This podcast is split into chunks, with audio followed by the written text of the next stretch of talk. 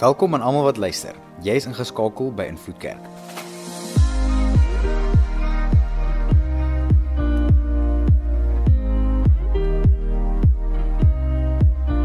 Vir die volgende paar minute gaan jy luister na een van ons boodskappe. Ons glo en vertrou saam met jou dat jy die Here sal beleef daar waar jy is. Geniet dit.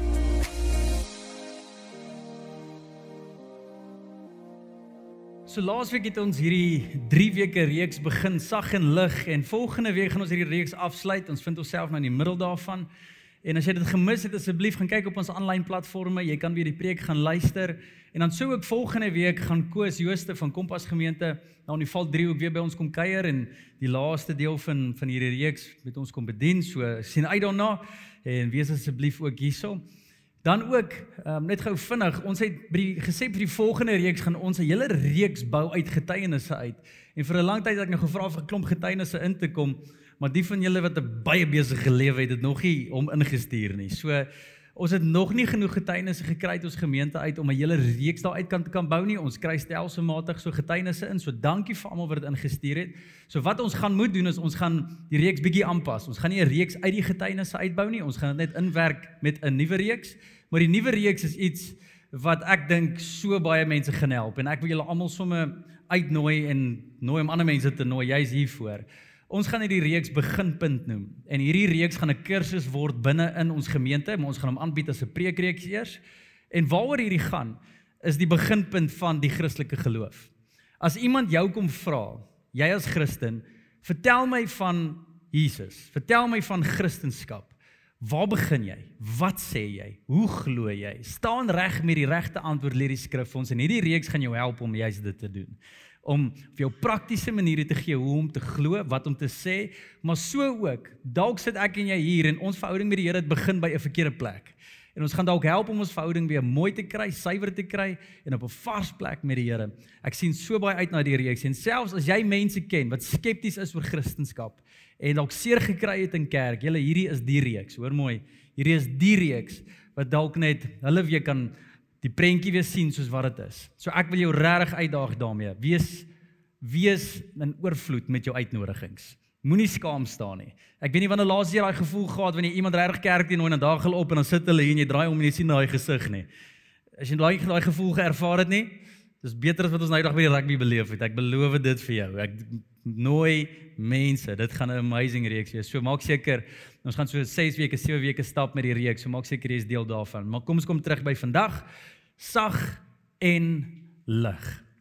Hierdie is die terminologie wat Jesus oor gepraat het en gesê het as jy my reg volg, as jy een van my kinders is en jy het 'n mooi verhouding met my en jy leef soos wat ek wil leef, raai hoe gaan jy jou lewe kan sien en ervaar? Sag en lig. Ek weet nie van jou nie, maar ek is in daarvoor. Ek ek sal graag 'n lewe wil leef wat gekenmerk word deur sag en lig. Want as mense vra hoe gaan dit met jou lewe deesdae en hoe ervaar jy lewe en hoe gaan jy deur lewe, is die woorde gewoonlik nie sag en lig nie, né? Toe kom nou, wat is die wat is die woorde wat mense altyd praat van? Of hulle is te besig, of hulle is moeg, of hulle sien uit na vakansie, of hulle is frustreerd by die werk, né? OK, ons eindig die diens net. Julle moet 'n fantastiese dag hê. Ons het hierdie reeks klaar onder die knie. Ja, almal is fyn en reg en Ek gaan net in die speel gaan praat want dalk net ek net nodig. Maar ons almal is daar, né? Ons almal is daar. Jy weet van mense, jy jy beleef dit self waar lewe net nie sag en lig altyd is nie. En hierdie reeks gaan juist daaroor dat ons onsself net moet herinner. Maar hierdie woorde wat Jesus gesê het van 'n lewe wat sag en lig is, is nie 'n feeverhaal nie. Dis nie 'n wêreld wat nie bestaan nie. Hierdie is iets wat tot ons beskikking is. En, en ons het laasweek begin met daai reeks. So asseblief gaan luister hom. Maar vandag gaan ons weer weer optel waar ons laasweek was in die hoofvers waar Jesus gepraat het oor hierdie baie bekende gedeelte Matteus 11 vers 28 tot 30. Jesus sê: "Kom na my toe, julle almal wat moeg is en swaar laste moet dra, en ek sal julle lewens verkoop." Neem my juk op julle skouers, kom leer van my, want my want want ek is sag en nederig van hart en julle sal rus en nuwe moed vir julle lewe kry. Ons gaan vandag baie op daai sin fokus, maar vers 30. Want my juk is ek het probeer gou weer. Ehm um, want my juk is sag en en op julle skouers uh, sal op julle skouers rus en my las is lig om te dra. Daar's die reeks. So Jesus sê Die uiteinde van 'n lewe wat jy naby aan Jesus kom, is sag en lig. Maar, maar Jesus waar hy die eerste uitnodiging lê. As jy by sag en lig wil uitkom, is die eerste stapie en die eerste trappie waarby jy moet uitkom, nie sag en lig nie. Dis eers 'n plek van rus. Kom na my toe en basies ek sal vir jou rus gee. Ek sal jou weer moed gee vir die lewe. Ek daai rus waarvan Jesus praat, is 'n woordjie wat ek en jy so sal lees en dan sal ons dit aangaan. Maar toe Jesus hierdie woorde gesê het van daai tyd, julle, toe Jesus sê hierdie woordjie van rus, het die mense se oë gereg. Want hulle het 'n heeltemal ander prentjie van rus gehad as wat ek en jy het. As ek en jy rus dink, dink ons wildtuin, né? Né? Enigiemand daar? Ek dink as jy as jy dink rus, dan dink jy dalk net 'n visvang naweek of jy dink jy dink aan 'n vakansie weg of jy dink aan iewers heen, jy dink aan iets gaan doen. Jy jy, jy dink aan rus soos wat ons konteks daaroor dink vandag is net net 'n bietjie vergeet van my werk. Dis dis eintlik vir ons rus. Toe Jesus sê rus daai dag, was dit nie daai nie. Hierdie was nie 'n 'n tydelike oplossing tot 'n permanente situasie waarin jy jouself bevind nie.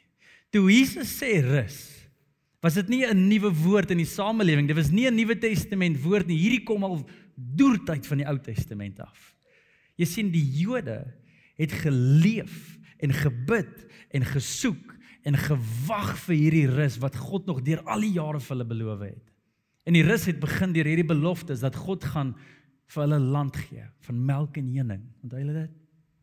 Van melk en honing. Ek dit daar gaan oorvloed wees van kos en die land gaan werk en en dinge gaan amazing wees en ons sit nou nog daar waar ons dieselfde tipe gebede bid. Here asseblief, gee net vir ons regering wat werk, gee net vir ons goed wat in plek is en ek dink hoe laat mense miljoen rand uit verdwyn. Hierdie ouens kry te goed reg en ons sit hier waar ons frustreerd is en frustreerd is en Woensdag is weer paniek in ons land want nationwide lockdown, wat ook al nog, die mense gaan nou staak en En ons is net heeltyd daar waar ons net sê, ja, kom ons emigreer net want ek is nou moeg vir hierdie land. Ons moet net op 'n plek kom van rus. Die Jode was daar. Jaar in, dekades in, eeue in. Waar hulle gesê het, "Maar Here, wanneer kom ons by hierdie plek van rus uit? Hierdie hierdie land waaroor U praat." En dan as hulle weer hulle self gevang het waar hulle in die beloofde land in beweeg het, is dit net moeilikheid oorlog, na oorlog, na oorlog. En eventueel is daar 'n bietjie vrede in die land en net soos hulle gewoond raak aan die vrede en die rus dan ewe skielik boem, en kom dit weer en is oorlog en dit is dis chaos in die land, ballingskap en hulle word slawe weer en is net hierdie Jode so de mekaar. En vandag as jy Israel toe gaan, gaan gaan jy nog steeds sien die ortodokse Jode gaan staan teen die muur en hulle bid nog en hulle wag nog vir die rus wat God beloof het. Maar Here, wanneer stuur U die plek en die tyd? Ons wil by 'n plek van rus uitkom. En ek weet nie van jou nie. Maar as ek na daai mense kyk wat bid teen die muur daar by Israel, dan baie keer sal ek dink, kom aan julle, regtig. Jesus het gekom. Die antwoord is by ons. Maar as ek mooi in die spieël gaan fyn my hart evalueer, is ek baie keer ook soos dit. Ek staan dalk nie by 'n muur en bid nie. Maar ek bid dalk teen 'n muur vas want want ek vra die Here vir 'n klomp goeder wat in plek moet val en uitkomste wat moet gebeur en dinge wat in dit moet egale gaan in my lewe want as my lewe egale genoeg gaan dan dan raai wat dan gaan ek by die plek van rus uitkom. En Jesus kom na hulle toe en sê vir hulle julle hierdie plek van rus ek het dit. Ek kan dit gee. Hierdie plek waar alles in jou lewe kan begin werk dis by my, dis nie by 'n stelsel nie, dis nie by 'n uitkoms nie, dit is wie ek is. En hierdie was die nuwe taal gewees. Nie die rus nie, maar waar die rus lê. Jesus het die disippels se oë gereg. Want hulle kon dit nie eens verstaan. Die dag toe hy hemelvaart was en daai dag toe Jesus opgevaar het hemel toe, toe kyk hulle hom en sê, "Maar Here, wanneer kom die tyd wanneer U ons 'n onafhanklike volk maak? Wanneer ons weer daai rus gaan ervaar?" Hulle soek die rus en ek weet nie van jou nie, maar ek ek's daar. Waar ek stoei my binneste en sê Here, ek wil net by daai plek van rus uitkom. Ek wil net waar hê waar my my hart weer rustig is, waar daar weer 'n uh, 'n kalmte en 'n liefde, net seëvier in my lewe, waar u vreugde en u vrede die bo-hand oor alles kry in my lewe. Die rus van God is waarna ek op soek is. E, Enige iemand daar? Hier kom Jesus. En hy sê dit is by my Hebreërs 4 vers 1 sê dit so mooi. Dit sê God se belofte dat ons sy rus kan binnegaan, staan nog steeds. En julle daai woorde is is so mooi. Want deur jou swoeg, deur jou worsteling, deur jou bekommernisse, deur jou angs, deur jou goeie dae en jou slegte dae, die dae waar jou geloof sterk is en jy dae wanneer jou geloof oor jou eie voete val, God se belofte staan nog steeds. Sy uitnodiging na dit, hoe staan nog steeds. Daarom moet ons oppas, sê hy, dat ons dit dit dit nie dalk blyk dat een van julle langs die pad agter gebly het nie. Ek wonder of van ons hier daar vandag is sê. Dat jy het al gehoor van God se rus. Maar jy het dalk soos die Jode al geword. Here, dis dis mooi woorde. Here, dit klink fantasties. Dis dis iemand wat preek dan voel ek sommer goed daaroor, maar Here, ek stel nie belang in 'n goeie preek daaroor nie. Ek stel belang om dit te ervaar. Here, hoe kry ek hier in my binneste in? Hoe hoe word u rus tasbaar in my lewe? Dit maak nie saak wat gebeur nie, niks steel hierdie rus uit my uit nie. Hoe kom ek daar? En ek het al mense ontmoet. En ek het al was al daar. Ek's eerlik. Waar ek lank genoeg al gesoek het met Here, waar is hierdie plek van rus? Dat ek lank genoeg vasgebly het in in my bekommernisse. Dat ek gedink het my hierdie rus is nie is nie meer staande nie. Hierdie rus is nie meer vir my nie. En dan hier's wat gebeur. Ons pas ons lewens aan om te sê maar dis net hoe dit is. Ons raak oukei okay om 'n lewe te leef sonder God se rus ons maak ons kinders groot in 'n huis waar God se rus nie seëvier nie. Ons ons daag al by ons werk, ons hardloop na deadlines, ons bou ons drome op 'n fondasie waar God se rus nie van toepassing is nie. Want ons het net oukei okay geraak. Ons het baie keer soos die Jode geraak. Sê wel, dis nou maar net wat dit is. Daai belofte, God se belofte dat ons sy rus kan binnegaan, staan nog steeds. En ek hoop terwyl ek dit sê, is daar net iets wat binne in ons wakker word en sê maar okay Here. Ons moet begin soek hierna. Ons moet begin ingaan hierna want sy rus is groter as wat ons besef. Dit is dieper as wat ons kan dink. Dit is dis iets wat jy kan ervaar en beleef en volhoubaar is in jou lewe. Dis nie iets vir 'n sonoggend nie. Dis iets vir 'n maandag tot 'n Vrydag wanneer die lewe gaals gaan. Dis waarvoor God se rus is. So vandag wil ek juist net gou vinnig praat oor die vyand van rus. Die vyand van rus, die ding wat my en jou kan weghou van hierdie belofte wat God vir my en jou maak. Hoe ek en jy permanent kan leef in 'n in 'n toestand en 'n posisie van sy rus. Wat kan my en jou steel? En julle almal ken hierdie antwoord. Die grootste vyand tot jou rus, vir God se rus in jou lewe, is bekommernis. Né? Die grootste vyand van rus is bekommernis. En en hierdie is so eenvoudig soos ek dit sê, maar tog tog verstaan ons dit nie altyd nie. Nou, kom ek praat net gou eers oor hierdie sinnetjie voor ek by die bekommernis deelte gaan stop. God se rus, hier is groot. God se rus laat ons lewe sonder bekommernis, maar nie sonder druk nie. Hoor mooi. God se rus laat ons lewe sonder bekommernis, maar nie sonder druk nie. Ek gaan kyk na Jesus se lewe. Jesus was gestuur met die grootste taak ooit, die grootste droom om te gaan behaal. Hy moes die mensdom red van hulle self. Die die sonde van die wêreld moes hy oorwin. Geen fout ooit in sy lewe nie. Vir 33 jaar nie een fout nie.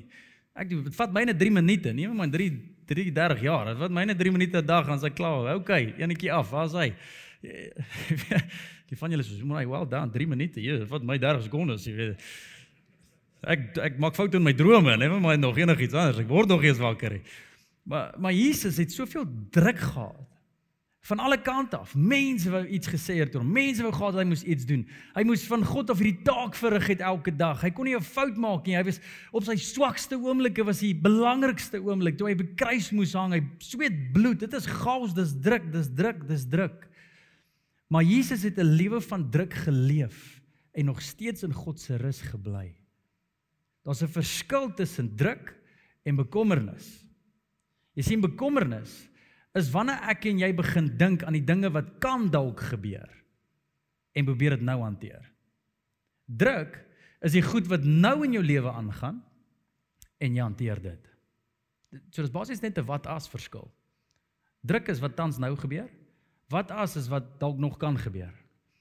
En bekommernis het hierdie ding geword binne in my en jou lewe.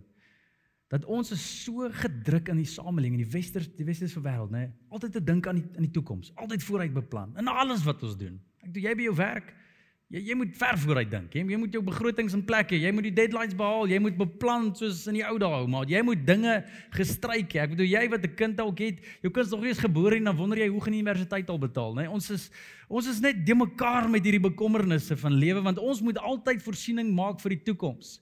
Waar jy jou geld gaan belê, jou beleggings, jy moet antisipeer maar hoe gaan hierdie ding maak en al die al die bekommernisse in hierdie wêreld moet jy in ag neem net om 'n samelewe of te kan leef in die samelewing van vandag.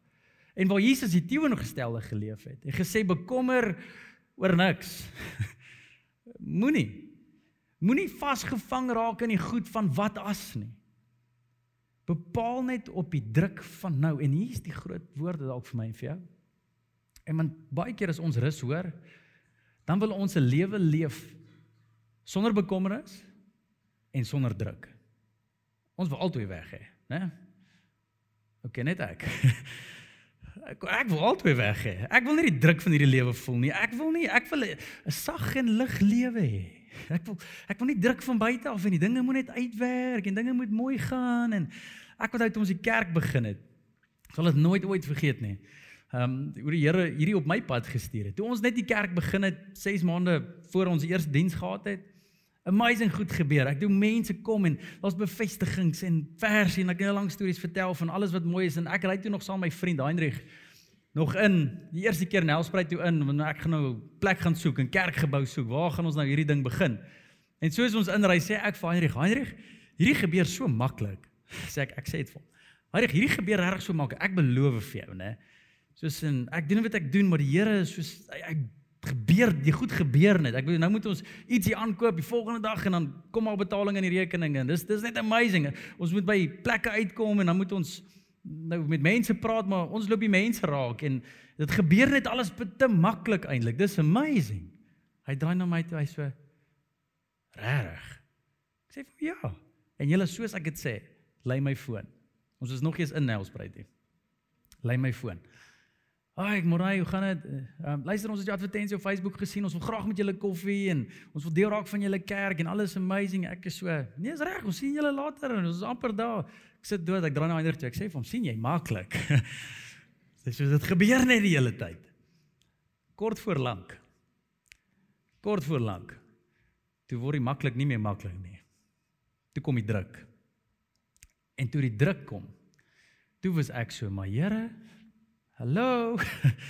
Waar is hy nou? Here, wat gebeur nou? Here, ek doen regtig. Ons kort perseel, ons kry nie perseel nie. Here, niemand bel my nie. Het hulle my nommer verloor? Die, internet het verkeer. Ek weet nie wat aangaan nie. Ek doen Here, ek begin net wegraak in my druk in plaas daarvan dat ek my druk vat na God toe. En sê maar Here, hierdie is eintlik goed vir my. Hierdie is wat my laat groei en hiersoos waar ek nou gaan uitkom. Het ek eerder begin dink aan al die wat asse. As jy nie jou druk reg hanteer nie, gaan jou druk bekommernis word. Hoor mooi. As die druk van lewe tans in jou lewe daar is en jy hanteer dit nie saam met die Here nie, gaan jou druk in bekommernis inswaai. Dis die vyand se taktik nog altyd. God is nie skaam om druk op sy kinders toe te pas nie. Nog nooit. Hoekom? Want druk doen twee van twee dinge vir my en vir jou. Positiewe dinge. Dit laat ons groei Dit laat my en jou nader aan die Here kom. Dit laat ek en jy afhanklik van hom leef op ons knieë bly. En dit wys vir ons wat's dalk fout hier binne in ons. Dit wys vir jou wat's hier binne aan die gang. Jy sien as druk van die lewe jou jou kom druk, dan kom maar iets uit jou uit. Altyd. Altyd altyd altyd. Uh, ek wonder wat kom uit jou uit as die lewe jou begin druk. Is dit gebede? Is dit geloof? Is dit Bybel? Of is dit hm nee, ek moet eerder in die bed bly. Dis koud vandag. Ons gaan nie kerk toe nie. Dis nou nie vir julle, dis vir die ouens daar aanlyn. Het hulle. Moenie worry nie. Jy sien die druk van die lewe kan my en jou vinnig manipuleer. En ons kan begin vou onder dit, maar God het dit gestuur om ons dalk wys wat's aan die gang binne in ons. As die druk jou pap maak, jou moeg maak, jou oorlaai maak, dan leef jy nie soos God leef in die tye van druk nie. Hoe vorm diamante? Onder hoë temperatuur, onder hoë druk. Dis hoe dit vorm. En God wil die diamante in my en jou lewe begin vorm. Maar vir dit vat dit druk. Ek sê hierdie net vir een rede. Dalk is jy in 'n spasie van jou lewe waar jy voel, "Wow, daar gaan baie aan die gang." Wow, ek weet nie hoe om by alles uit te kom nie. Dis nie die wat moet moet verander nie. Dis nie die las nie. Dis hoe jy jou las dra. Dis hoe jy die druk hanteer wat moet verander. Doen dit saam met die Here. Want die druk kom dalk van God af, maar dan kom ons by die bekommernis. Die wat asse. Dalk sit jy al daar waar jy die druk al te lank oor dink en jou druk het al lank al verander in 'n bekommernis. Dalk bekommer jy al so goed, jy weet nie as jy bekommer nie, maar dit is so normaal vir jou. Dalk sit jy daar. Kom ons praat oor twee maniere hoe ek en jy bekommernis kan oorwin. Wat sê die skrif vir ons oor dit? Twee dinge. Wel, twee groeperings. Die een groep is gebede en geheue. Gebede en geheue. Here hoor mooi, dis so eenvoudige woorde, maar hierdie kan jou lewe drasties verander. Gebede en jou geheue. Filippense 4 vers 6 tot 7 praat Paulus baie duidelik hieroor. Hy sê moet oor niks bekommerd wees nie oor niks bekommerd wees. Ek wonder as ons in 'n gesprek saam met Paulus was, wanneer hy sê maar Paulus, weet jy wat jy verstaan nie my lewe nie. Hey, dis sou ons reaksie wees. Nee Paulus, jy verstaan nie my baas. Jy verstaan nie, jy verstaan nie, jy verstaan nie, jy verstaan nie. Julle 'n lewe sonder bekommernis is moontlik. Ek weet dit klink idillies in ons samelewing, maar dit is moontlik. En, en hier kom hy. Hoe kry ons dit reg? Moenie bekommerd wees oor moet, moet oor niks bekommerd wees nie, maar bid oor alles. As daar iets in jou lewe kom wat jy dalk wonder oor oor die wat as of die druk is op jou skouers, wat doen jy? Dadelik saam met die Here. Bid dadelik. Wat is jou eerste reaksie as bekommernis by jou voorstoep opdaag? Wat is dit? 'n Boer maak 'n plan, hè? Dalk is dit jy beraam vinnig hoe en wat en waar en wanneer en kry ding vinnig uitgestryk. Of is dit, Here? sien nie wat hier nou gebeur. Here, hier is nie goeie nuus vir my nie. Here, hierso is dalk goed in my hart wat gaan plaas en wat nie daar behoort nie. Bid oor alles, maar dan gaan hy aan. Hy sê vra alles wat jy nodig het van God. Dis wat jy kan bid. Terwyl jy hom ook dank vir alles wat hy doen. En God se vrede, God se rus in ander woorde, wat meer is as wat 'n mens dink. Moenie God se rus onderskat nie in ander woorde. Ehm, sal oor julle hart en gedagtes die wag hou omdat julle aan Christus Jesus verbonde is. So waarby uitkom is die volgende. Nommer 1 bid. Eerste reaksie by die Here. As jy opstaan in die dag en jy voel die druk van die lewe en jy baie goed om te doen, dis die dag wat jy die meeste moet bid, nie die minste moet bid nie. Jy die die die, bekommernis, hoeveelheid bepaal jou gebed hoeveelheid in ander woorde. Bid oor alles. Weer is eenvoudig, doen dit, maar dan kom hy en hy sê, hier sou jy dit doen. As jy nie weet wat om te bid nie, vra die Here wat jy nodig het. Doen dit. Maar dan voeg hy iets by wat net so belangrik is. Hy sê vra die Here wat jy nodig het en is goed en is wel, maar moenie daar stop nie. Daar's 'n tweede deel in die sin. Dank hom vir alles wat hy reeds gedoen het. En hierso hierso ek hak vas voor hy kom op 'n tydjie. Here, ek het regtig hierdie deurbraak nodig. Here, ek het regtig voorsiening hierdie nodig. Here, ek het regtig dit nodig. Here, ek het regtig dit nodig. Asseblief, asseblief, asseblief. Amen.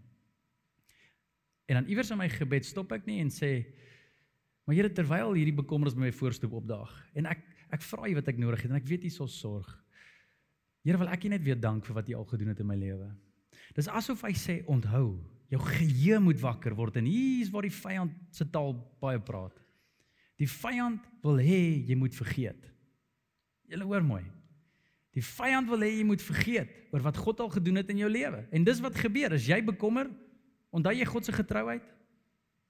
Nee. Dis lank weg. Dis hoekom hy sê, stop en dank die Here.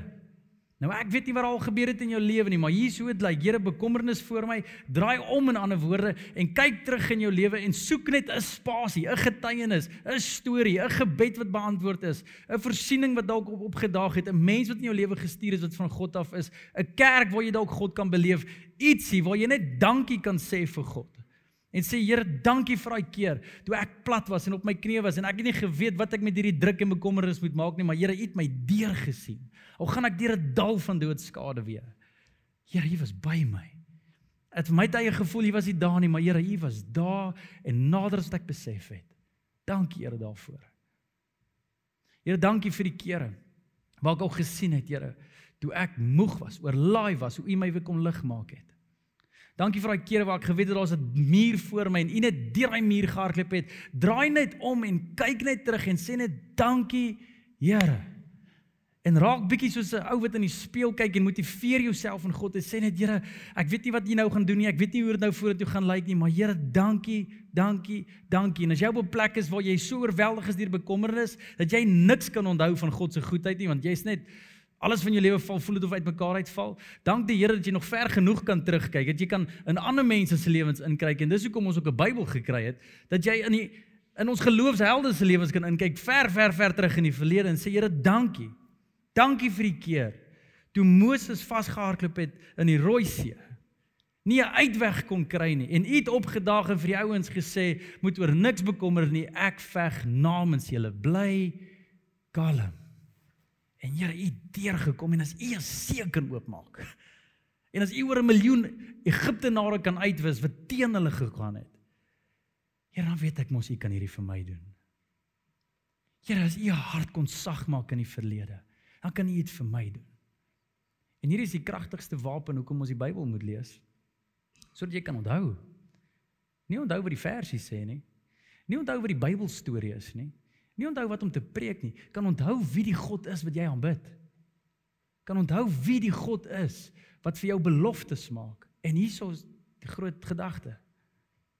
As jy Bybel lees en jy sien God het iets vir iemand gedoen in die Bybel, het jy volle toestemming om vir Here te vra dat dieselfde vir jou sal doen.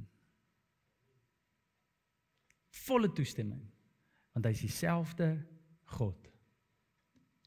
Draai nog om. Onthou jy nog? Is jou gebede daar? Is jou geheue daar? En dan is daar 'n tweede groepering. Nie net die gebede en geheue nie, maar die gehoorsaamheid en geloof. Dis een ding om te bid vir Here voorsiening. Dis 'n ander ding om hom te draai en die Here te dank vir wat hy al gedoen het en wie hy was en wie hy is. Maar daar's 'n ander deel waar jy weer terug moet draai na vandag se lewe en sê okay, maar dit is alles goed as ek bid en is alles goed as ek onthou, maar maar wat moet ek doen met hierdie goed wat voor my is? Hier is die doen area. Nommer 1 gehoorsaamheid. Nommer 2 geloof. Hebreërs 3 en Hebreërs 4 staan bekend as die boeke en die hoofstukke van God se rus. So as hierdie preek dalk vir jou is, gaan bestudeer Hebreërs 3 en 4. Eh, daar's amazing goeders wat ons nie eens vandag by gaan uitkom nie, maar hier's 'n gedeelte daarvan. Hoor wat sê vers 18 van Hebreërs 3. Oor wie het God met 'n eed verklaar dat hulle nie sy land van rus sal binnegaan nie? Was dit nie juis hulle wat hom ongehoorsaam was? Ons sien dus dat dit juis as gevolg van hulle ongeloof was dat dit nie dat hulle nie in die land van rus kon ingaan nie. So hier kom dit waar hierdie belofte van die rus daar was. Rus vir jou kinders, rus vir jou siel, rus in jou huis, rus rus in jou binneste. God se rus vir vrede wat oorweldig en God se rus is genoeg. Jy weet, dit is dis die antwoord. Maar baie mense het nie uitgekom nie. Want hulle was ongehoorsaam en hulle het ongeloof gehad in hulle binneste. Ongehoorsaam en ongeloof is die twee goed wat my nie daar kan uithou. Gehoorsaamheid. Terwyl ek en jy sommer terugdraai en onthou wat die Here vir ons al gedoen het. Onthou wie die Here is wie ons aanbid. Onthou wie en wat God sê hy is. Terwyl ons terugkyk, moet ons nie net terugkyk te onthou nie, wie hy is nie, maar ons moet onthou wat hy vir ons gesê het. En ek het agtergekom in my lewe, dalk is daar goed in my lewe. Ek soek die Here se rus, maar hy het al goed vir my gesê wat ek nog nie gedoen het nie. Hy het opdragte in my hart deur die Bybel, deur mense by 'n preek na my toe gebring en gesê Morney, hier's wat ek wil hê jy moet doen. En ek doen dit nie. Ek gehoorsaam dit nie. Ek hou myself uit God se rus uit dan. Wat is daar wat God tans in jou lewe sê? Of dalk as jy terugkyk, wat is daar wat hy al in die verlede vir jou gesê het? Wat jy net uitstel. gaan gehoorsaam die Here. En dan kom hy by die tweede deel. Die geloof. En hierdie geloof is wat jou gehoorsaamheid aktiveer. Want jy sien ek en jy gaan nooit lus voel om die Here te gehoorsaam hê, nooit. En toe of nie nooit nie, baie min. Want jou vlees gaan beklei. Tye van druk, dis dis moeilik. Jou geloof is wat jou staande maak. Dis die tweede ding wat die ouens uit die rus uitgehou het. Nou wat bedoel dit by geloof? Dit bedoel nie ek en jy sê nie die regte antwoord nie. Ek dink meeste van ons het die regte Christelike versie onder beheer. Ons kan 'n vers of twee aanhaal. Ons kan die Bybelkennis wat daar is, kan ons na vore bring. Ons ons is op 'n plek waar ons geloof het in die Here. Ons is kinders van die Here. Ek praat nie of jy 'n kind van God is nie. Ek vra is jou geloof in aksie? Dis dis dis die vraag. Is dit wat jy glo oor die Here wat bepaal wat jy doen en hoe jy praat en hoe jy dink? Want dis ware geloof. Nie die, die regte antwoord nie. Byvoorbeeld As ek en jy op 'n plek kom waar daar 'n tekort aan voorsiening is in ons lewe, nie genoeg finansies nie. En ek en jy kom en ons bid, gebede en geheue. Here, hier's wat ek nodig het.